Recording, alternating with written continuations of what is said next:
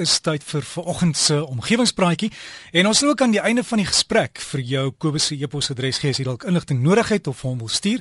Jy is altyd welkom. Hallo Kobus. Goeiemôre Derrick, môre al ons omgewingsvriende. Derrick, ek wil vanoggend weer begin met uh, ietsie persoonliks. Uh ek en Ina, my vrou, het sonder dat ons dit nou so beplan het, uh het dit so gekom dat ons drie kinders elke jaar op dieselfde weksdag verjaar. Al is hulle verjaarsdag in verskillende maande. Nou mense wat gereeld luister sal dalk onthou dat ek omtrent 2 maande gelede ons seun Boeta geluk gewens het met sy verjaarsdag op 'n Saterdagoggend en omtrent 'n maand terug ons dogter Sonja en vanoggend is dit ons oudste dogter Lize se beurt. Ou nooi. Ons is lief vir jou en ons is trots op jou en ons wens jou 'n heerlike dag en 'n geseënde jaar toe saam met Herman. Nou ja, omgewingsvriende, nou het ek al drie ons kinders oor die radio geluk gewens met hulle verjaarsdae en vergewe my maar asseblief hiervoor. Want die volgende keer dat al drie ons kinders weer op 'n Saterdag gaan verjaar, sal eers in 2025 wees. En teen daardie tyd is ek, as ek gespaar bly, in die laaste jaar van my loopbaan en ek weet nie of ek dan nog steeds die omgewingspraatjie gaan aanbied nie. So ek het toe net maar besluit om hierdie eenmalige geleentheid te gebruik om elkeen van my kinders verjaar geluk te wens met hulle verjaarsdag so oor die radio so uh, vergewe my asseblief daarvoor. Maar nou ja, terug by die omgewing. Ek wil veraloggend bietjie voortborduur op die tema van alles in die natuur wat 'n voorkeur vertoon om antikloksgewys of linksom te draai, soos wat ons verlede week gesien het met die rigting waarin rankplante draai of skulpe se rotasie dan is. Nou, omgewingsvriende wat verlede week geluister het, sal dalk onthou dat 'n hele klomp mense voor ons nou agtergekom het alles draai linksom. Uh, 'n hele klomp mense het gevra of Coriolis krag nie dalk iets met die draai rigting van die rankplante te doen het nie. 'n Klomp mense het gedink in die noordelike halfrond draai plante een kant toe en in die suidelike halfrond ander kant toe. En die antwoord daarop was negatief. Ons het gesien dat Coriolis krag niks met die draai rigting van rankplante te doen het nie. Die meeste van die mense wat egter gewonder het oor die verband tussen Coriolis krag en die draai rigting van rankplante, was ook van mening dat water wat uit 'n wasbak of uit 'n bad uitloop in die suidelike halfrond altyd kloksgewys sal uitloop. Met ander woorde, die draaikolkie sal regsom draai as mens hom nou van bo af bekyk. En in die noordelike halfrond natuurlik antikloksgewys of linksom. Nou hierdie oortuiging is natuurlik ook nie waar nie. En dit het my laat besluit om ver oggend oor die Coriolis krag of dan nou meer akkuraat die Coriolis effek te gesels. Nou kom ons kyk eers presies wat is die Coriolis effek en wat veroorsaak dit? Nou dit is 'n effek wat die rigting van enige bewegende voorwerp op aarde tot 'n mindere of meerdere mate beïnvloed afhangend van hoe ver die bewegende voorwerp noord of suid van die ewenaar is. Op die ewenaar is die Coriolis effek afwesig, dis nul. En dis daar en dis die rede hoekom ons nooit orkane of tornado's binne 5 grade noord of suid van die ewenaar kry nie. Maar hoe verder noord of suid mens nou beweeg, hoe meer nader na die twee pole toe, hoe meer prominent is die Coriolis effek. Nou hoe werk dit? Nou as mens nou dink aan die rondom talies wat ons vroeër daar algemeen in speelparkies gekry het. Uh nou kom ons veronderstel 'n mens staan op so rondom talie en die ding draai nou in die ronde en ons staan op die kant van die rondom talie En nou wil ons 'n tennisbal na die middel van die rondom talie toe rol, na die as toe. Ons probeer om die as raak te rol of raak te gooi. Nou jy vat dan die tennisbal en jy gooi hom presies reguit na die as toe. Maar jy sal dan sien dat jy die as telkens gaan mis met die bal. En die rede daarvoor is dat jou sywaartse spoed aan die kant van die draaiende rondom talie natuurlik baie hoër is as die sywaartse spoed van die as self, wat vir alle praktiese doeleindes eintlik stil staan en net nie rond te draai. So as die bal jou hand verlaat, dan uh, gaan die bal weliswaar reguit aanvanklik reguit na die as toe. Maar soos wat die bal nou nader na die as toe kom, nader na die middel van die rondom talie toe, behou hy sy sywaartse spoed. Terwyl die sywaartse spoed van die oppervlakte waar oor die bal rol, as ons hom nou rol oor die uh, rondom talie, al hoe stadiger word na mate die bal nou nader aan die middel van die rondom talie kom.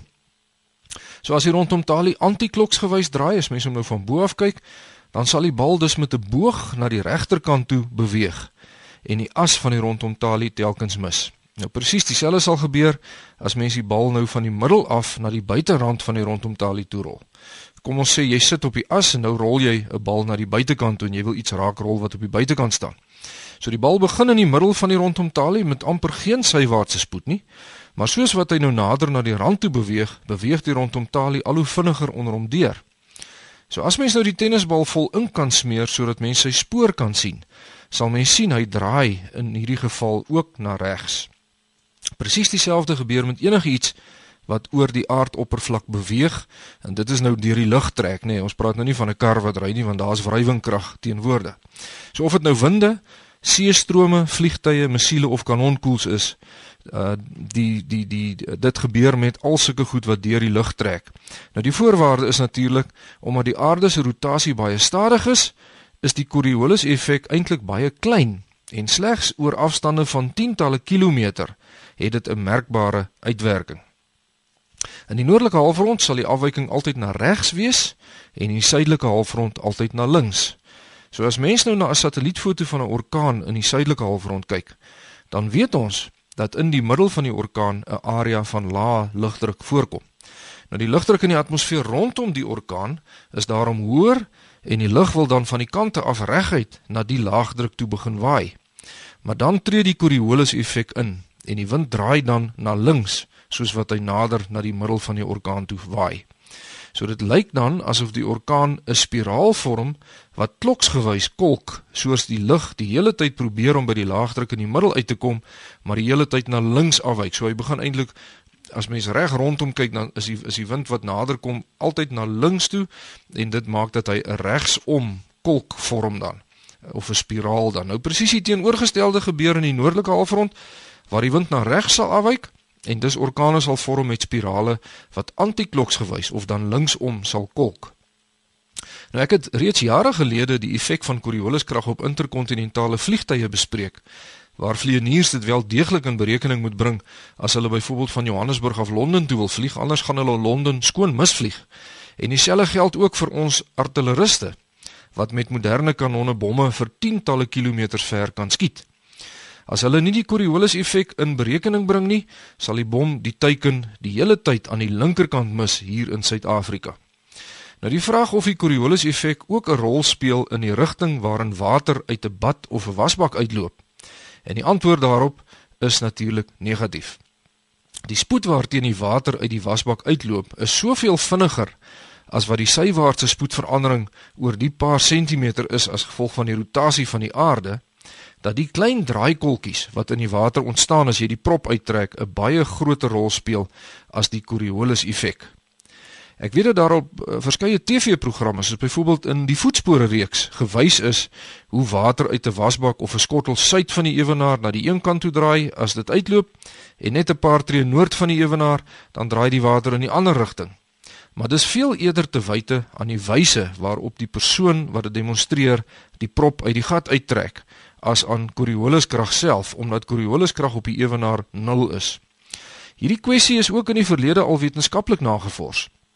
In 1908 het die Oostenrykse fisikus uh, Ottokar Tumlers 'n baie noukeurige eksperiment uitgevoer om onsekerheid oor die invloed van die aarde se rotasie op die draairigting van water wat uit 'n bak uitloop vir eens en vir altyd uit die weg te ry. Nou hierdie eksperiment is selfs later in die gesaghebende tydskrif Nature gepubliseer. Nou tumblers het alle eksterne kragte wat die draairigting van die water kan beïnvloed uit die weg geruim deur 'n 6 voet tank met 1100 liter water te vul en die tank dan vir 24 uur doodstil in 'n geslote vertrek toe te sluit sodat enige strominge binne in die water tot rus kan kom. Die prop is dan baie versigtig verwyder en klein stukkies drywende hout op die water is gebruik om die rotasierigting van die draaikolk mee te bepaal. Nou so vir die eerste kwartier is geen draaiing waargeneem nie en eers daarna het 'n kolk verskyn en omdat hierdie eksperimente in die noordelike halfrond gedoen is, het die kolk elke keer na links, dit wil sê antikloksgewys geroteer. So dit bewys dat Corioliskrag wel 'n effek het op die rigting waarin die water sal kolk as dit by 'n wasbak uitloop, maar wat belangrik is, is dat hierdie effek slegs gesien sal word in die geval van 'n noukeurig gekontroleerde eksperimentele opset waar geen ander kragte toegelaat word om 'n rol te speel nie. Maar by die wasbakkie in ons badkamers sal Corioliskrag geen rol speel nie. En die rede daarvoor is dat die water omtrent 30000 keer vinniger by die gat uitloop as wat die aarde se rotasiespoed hier by ons is. So enige draai rigting van die kolk sal bloot toevallig wees of dit is te wys te wyte aan die manier hoe u nou die prop uit die gat uittrek. Corioliskrag bly dus aanwesig, maar dit is baie klein. Maar dit beteken nie dat mens dit nou maar kan ignoreer nie. Ek het reeds genoem dat vliegtye en kanonniers dit in ag moet neem as hulle akkuraat wil vlieg of met hulle kanonne nou akkuraat wil skiet. En selfs skerpskutters wat oor lang afstande skiet, moet voorsiening maak vir die Coriolis effek, anderster skiet hulle 'n millimeter of 2 na die een kant toe. Iets interessant is dat insekte ook die Coriolis effek inspann as hulle vlieg. Onthou dat die Coriolis effek by enige draaiende voorwerp uh, kan voorkom soos uh, by die rondom Tali uh, voorbeeld waarmee ek begin het en nou nie net die hele aarde nie. En sekere vliee en motte het geleer om die Coriolis effek te gebruik terwyl hulle vlieg. Hulle laat hulle antennes vinnig osilleer en hulle gebruik dit dan as 'n tipe giroskoop om stabiliteit te verhoog as hulle nou deur die lug vlieg. Ons lewe voorwaar in 'n ongelooflik interessante skepping. Dirk, daarmee sluit ek af. Omgewingsvriende, u kan gerus vir my skryf. My rekenaaradres is kobus.vanderwalt@nwu.ac.za of ek is by die fakulteit Natuurwetenskappe, Noordwes Universiteit, Potchefstroom 2520. Vriendelike groete tot 'n volgende keer. Baie dankie Kobus, Kobus van der Walt en daai e-posadres net weer is kobus met 'n k, kobus.vanderwalt wat jy mekaar skryf van der Walt. So dis kobus.vanderwalt by nwu.ac.za. Kobus.vanderwalt by nwu.ac.za.